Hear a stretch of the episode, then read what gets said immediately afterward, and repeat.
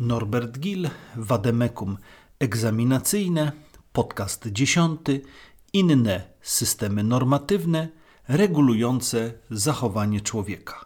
Zapraszam.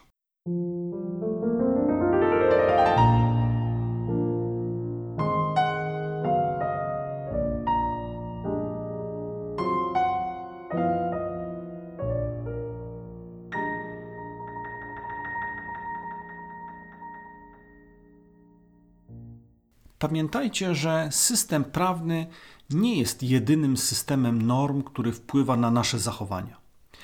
Jakie zatem inne systemy normatywne mam tutaj na myśli? Po pierwsze, jest to system norm obyczajowych, po drugie, system norm moralnych, po trzecie, system norm religijnych i po czwarte, system norm organizacji społecznych i politycznych. Jeżeli chodzi o normy obyczajowe, no to Obyczaje tworzą się jak zasady gier, od przypadku do przypadku, a więc normą obyczajową mamy do czynienia wtedy, jeżeli e, nabieramy przekonania, że istnieje obowiązek pewnego schematu postępowania w danej sytuacji, w danych okolicznościach. No na przykładzie, zobaczcie chociażby lany poniedziałek, śmigus dyngus. To jeżeli przydarzy się, że tego konkretnego dnia ktoś na przykład obleje nas wodą, prawda, albo no, spryska nas wodą, no to będziemy mieli do czynienia z realizacją pewnej normy obyczajowej. Pod kątem analizy prawnej tego zachowania, no tak właściwie to jest nic innego jak naruszenie nietykalności cielesnej. Niemniej, jak powiedziałem, jeżeli to się zdarzy tego dnia, no to sąd nie dokona oceny o charakterze negatywnym, jak domniemuje, dlatego że właśnie taki obyczaj istnieje.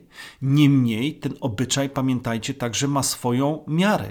A więc jeżeli na przykład zatrzymując e, samochód na światłach, ktoś prawda, e, poleje w środku wodą, bo otworzy wam drzwi i wleje tam na zasadzie czynu chuligańskiego kilka wiader wody, to to już nie będzie miało nic wspólnego z obyczajem, tylko będzie to po prostu przestępstwo.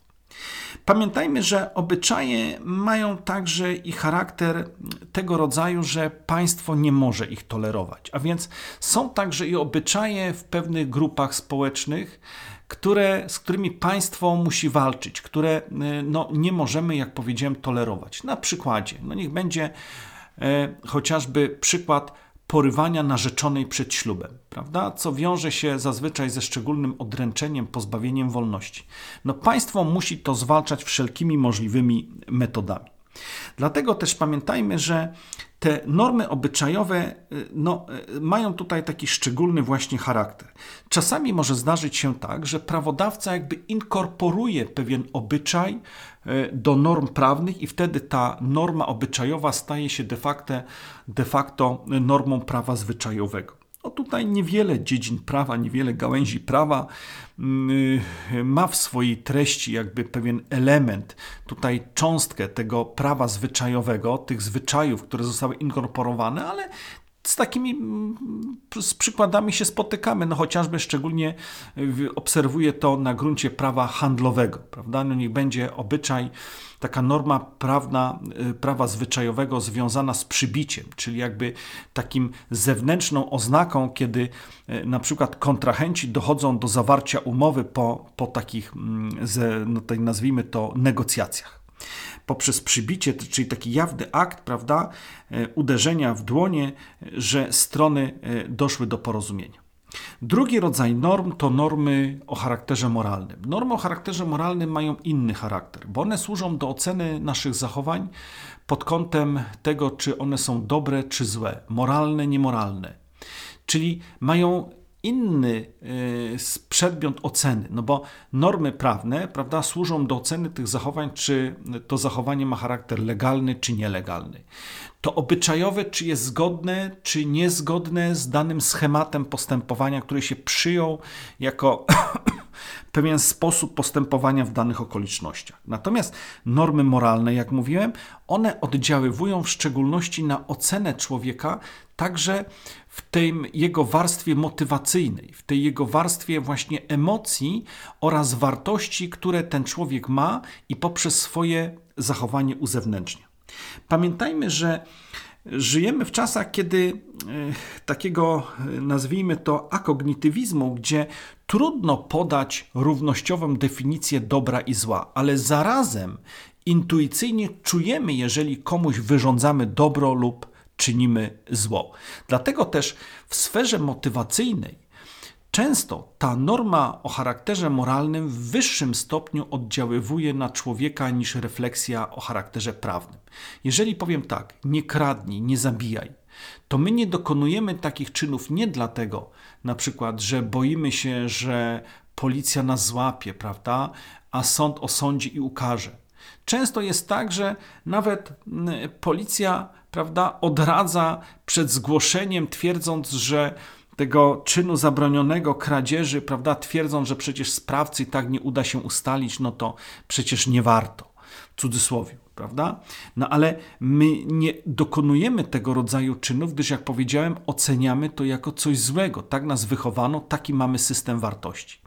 A więc jeżeli spoglądamy na system norm moralnych, to w szczególności mogę powiedzieć, że jeżeli chodzi o te normy najważniejsze, te pryncypialne, jak powiedziałem właśnie, nie zabijaj, nie kradnij, nie mów fałszywego świadectwa, prawda? Bądź uczciwy, sprawiedliwy, to tutaj podejrzewam, że wszyscy mają te e, wartości równe. Oczywiście te późniejsze, także i pewne instrumentalne wartości, one już mogą się różnić w określonych środowiskach.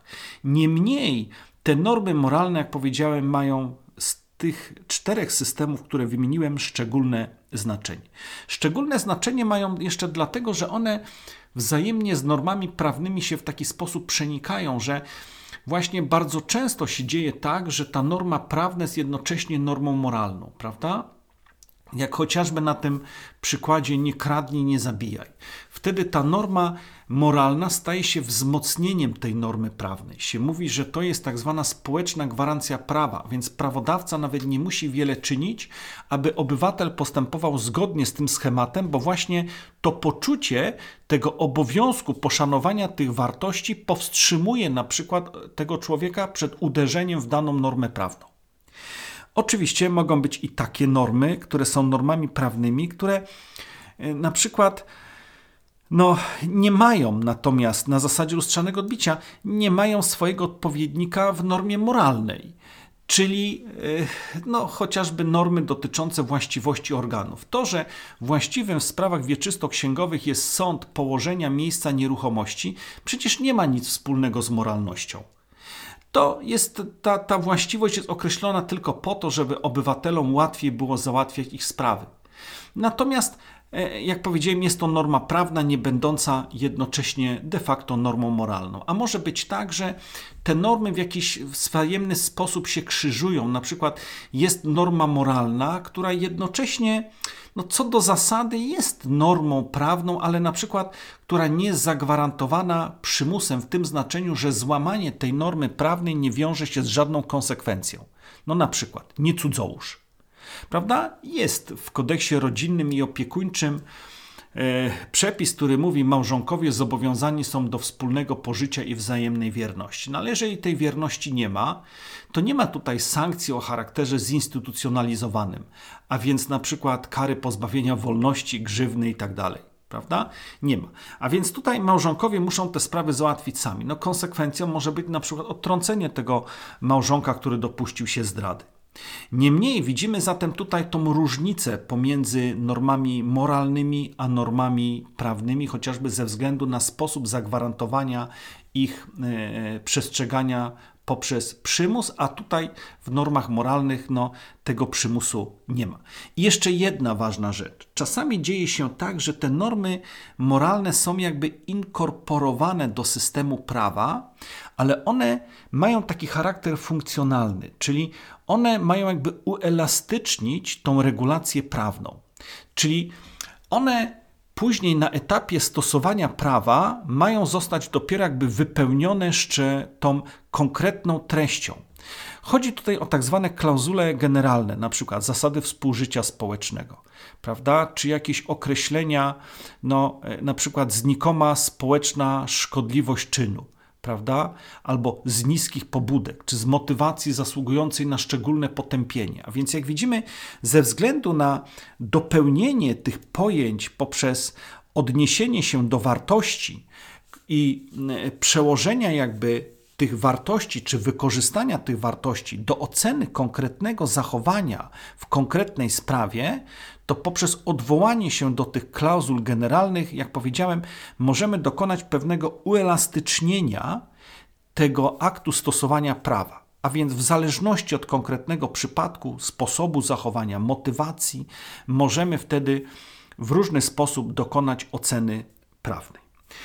Kolejny zespół norm, jak mówiłem, to normy o charakterze religijnym. To generalnie dotyczy to różnego rodzaju kościołów, związków wyznaniowych. Tutaj Także no, w części oczywiście te normy pokrywają się z normami moralnymi, no chociażby, jak powiedziałem, to nie, nie zabijaj, nie kradnij, nie cudzołóż, ale tutaj także jest innego rodzaju sankcja, prawda? Sankcją może być na przykład ekskomunika, natomiast nie ma tutaj sankcji o charakterze państwowym, no chyba, że dochodzi do jakby nałożenia działalności państwa i działalności jakby danego kościoła, czy jakby nałożenia, połączenia religii i władzy państwowej, jak chociażby w państwach, które, e, no jak w Arabii Saudyjskiej, prawda, w państwach islamskich e, czasami mamy tego rodzaju e, przykład. No i jeszcze normy organizacji społecznych i politycznych, no tutaj z reguły oczywiście te normy dotyczą funkcjonowania tej konkretnej organizacji społecznej, e, budowy jej e, hmm, kompetencji, e, władz, organów tej organizacji społecznej, ale sankcją najdalej idącą jest tutaj wykluczenie, jakby pozbawienie członkostwa z danej organizacji. Niemniej te normy organizacji społecznych, politycznych nie powinny być oczywiście sprzeczne z normami prawnymi, albowiem stanowiłoby to ewentualnie przesłankę do zdelegalizacji danej organizacji. Może na sam koniec warto jeszcze powiedzieć, że te cztery podstawowe rodzaje tych norm, które wymieniłem, czyli normy obyczajowe, moralne, normy religijne, normy organizacji społecznych, politycznych, to te najważniejsze, ale nie jedyne. No bo na przykład zobaczcie, normy estetyczne. No, ktoś powie, no w jaki sposób norma estetyczna może przełożyć się na działanie organu państwa? A na przykład ubiegacie się o pozwolenie na budowę. Macie ideę fix, marzycie o tym, żeby, bie, żeby zamieszkiwać w jakimś nowoczesnym domu, stal, szkło, prawda, duże, duże przeszklone przestrzenie, dużo światła. No i występujecie o pozwolenie na budowę urzędnik dokonuje analizy urbanistycznej i odmawia Wam pozwolenia na budowę, twierdząc, że wygląd tego Waszego domu nie nawiązuje do tak zwanych zasad dobrego sąsiedztwa, przy czym te te domy, które miałyby Was otaczać, są nieestetyczne, to są jakieś takie mm, domy o małej wartości, i może ten Wasz dom by był zaczynem nowego ładu urbanistycznego. Ale zwróćcie uwagę, ze względu na normę estetyczną, którą ten urzędnik w sobie, że tak powiem, nosi, to takiej oceny dokona. A więc to przełoży się na jego decyzję, jako decyzję na przykład danego organu odmawiającą wam tego pozwolenia na budowę. Reasumując podcast dziesiąty, pamiętajcie, że prawo to nie wszystko, że są także i inne systemy norm, które może czasami nawet w jeszcze wyższym stopniu wpływają na ludzkie motywacje, na ludzkie postawy, na ludzkie zachowania. Tym systemem norm w szczególności jest system norm moralnych. To one decydują o tym, co jest dobre, a co jest złe. To już ostatni podcast sezonu pierwszego. Mam nadzieję, że będzie to wymierna pomoc w przygotowaniach do egzaminu. Życzę Wam wszystkiego najlepszego, powodzenia na egzaminie. Cześć.